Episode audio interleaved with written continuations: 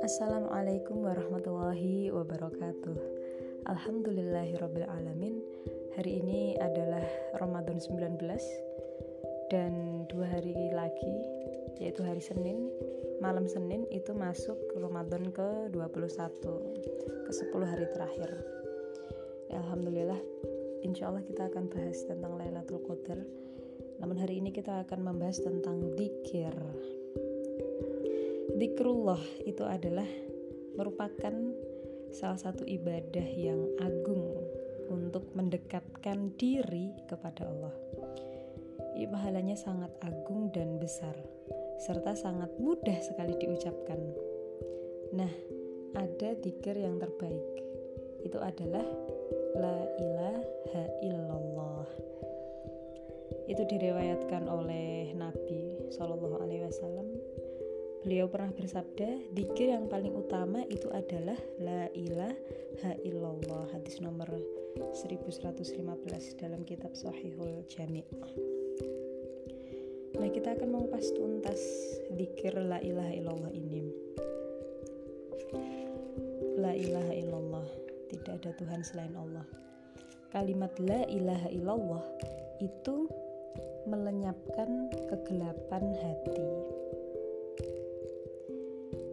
Nah, kalimat la ilaha illallah itu melenyapkan kabut dan kelam dosa di hati sesuai kadar kuat lemahnya cahaya tersebut. Kenapa begitu? Karena kalimat la ilaha illallah itu sebenarnya memiliki sinar.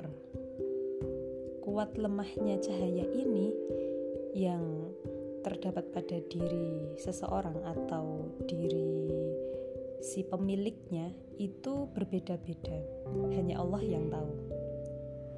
Di antara manusia, itu di dalam dirinya yang terdapat cahaya kalimat ini itu ada yang laksana matahari, ada juga yang seperti bintang benderang, ada juga yang seperti obor besar, dan yang lainnya seperti lentera terang, ada pula seperti lentera yang redup.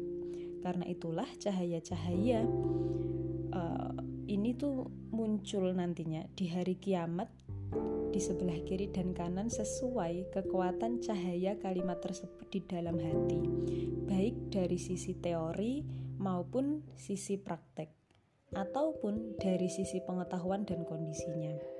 Semakin kuat cahaya kalimat ini, akan semakin membakar syubhat dan syahwat hati sesuai kekuatannya. Bahkan bisa jadi sampai pada kondisi yang membakar hangus setiap syubhat, syahwat ataupun dosa yang menghadang. Jadi kalimat la ilaha illallah ini yang terdapat pada masing-masing diri itu nanti dapat memberikan petunjuk cahaya mana syubhat syahwat dan dosa yang akan menghadang sehingga bisa meminimalisir bahkan tidak melakukan atau mengambil keputusan tersebut. Nah, di sini ada korelasi antara la ilaha illallah dengan iya kana budu. Iya kana budu wa iya kana stain. Ini adalah satu ayat dalam Al-Fatihah ayat kelima yang mencakup tujuan hidup yang mulia. Di balik makna ini, itu penciptaan dan perintah Allah, dunia, dan akhirat berlaku. Ayat ini mencakup tujuan paling mulia dan perantara terbaik, karena tujuan hidup yang paling mulia adalah beribadah kepada Allah, dan perintah terbaik adalah pertolongannya. Tiada satupun yang berhak disembah selain Allah, dan tiada satupun yang dapat membantu hamba untuk beribadah kepadanya selain dia semata. Karenanya, beribadah padanya adalah tujuan hidup yang paling luhur dan pertolongannya adalah perintah perantara yang paling mulia. Nah, kalimat ini itu mencakup dua macam tauhid, tauhid rububiyah dan uluhiyah.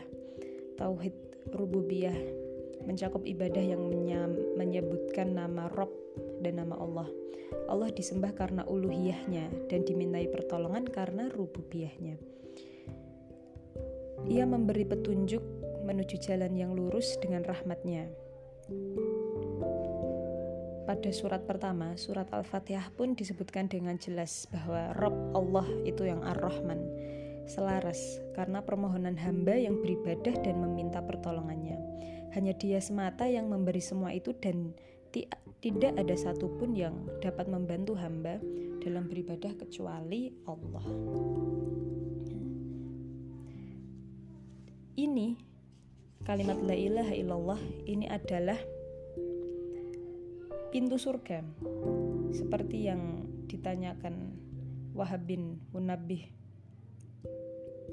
saat beliau ditanya bukankah la ilaha illallah itu pintu surga? Ia menjawab betul tapi setiap pintu tentu ada kunci-kuncinya. Kalau kamu membawa kunci maka pintu akan terbuka. Tapi jika tidak ada kuncinya maka pintu tidak akan dibuka untukmu. Nah la ilaha illallah ini dapat menghantar, menghantarkan kita masuk ke surga kalau kita tahu kunci-kunci tersebut. Nah, kunci-kunci itu adalah syarat-syarat kalimat la ilaha illallah ini. Para ulama menyebutkan ada tujuh. Nah, apa aja kita akan bahas di podcast selanjutnya.